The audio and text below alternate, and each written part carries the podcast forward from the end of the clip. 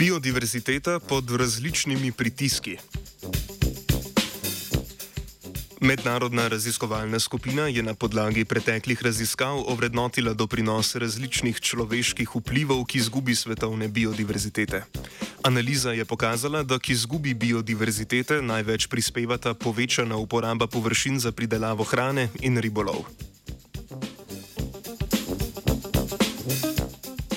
Ljudje s svojimi posegi v okolje v zadnjih desetletjih pospešeno prispevamo k izumiranju vrst in posledično k zmanjševanju biodiverzitete, kar dalje ogroža obstoj celotnih ekosistemov.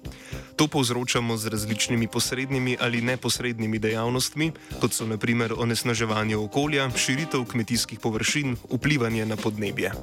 Za uspešno naslavljanje problema je treba nujno ovrednotiti doprinos posameznih človeških dejavnosti k izgubi biodiverzitete ter določiti prednostna področja, katerih vpliv na okolje moramo zmanjšati.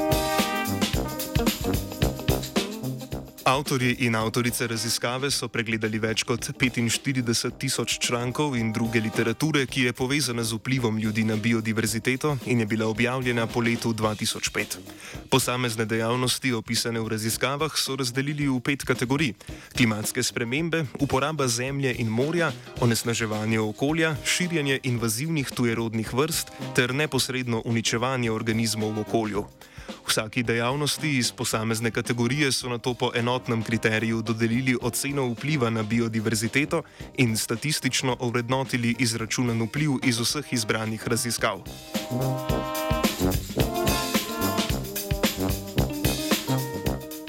Po celem svetu je bil najpomembnejši dejavnik ogrožanja kopenskih organizmov širjenje površin za pridelavo hrane, zlasti živinorejo in pridelavo polščin. Nedaleč na drugem mestu je bilo neposredno uničevanje organizmov, pod kar štejemo sečnjo gozdov za namene pridobivanja lesa, lov in trgovino z divjimi živalmi. Na morsko biodiverziteto najbolj vpliva ribolov. Najmanjši je bil, izračun, najmanjši je bil izračunan vpliv širjenja invazivnih tujerodnih vrst, klimatske spremembe pa, glede na trenutne izračune, bolj ogrožajo morske kot kopenske organizme.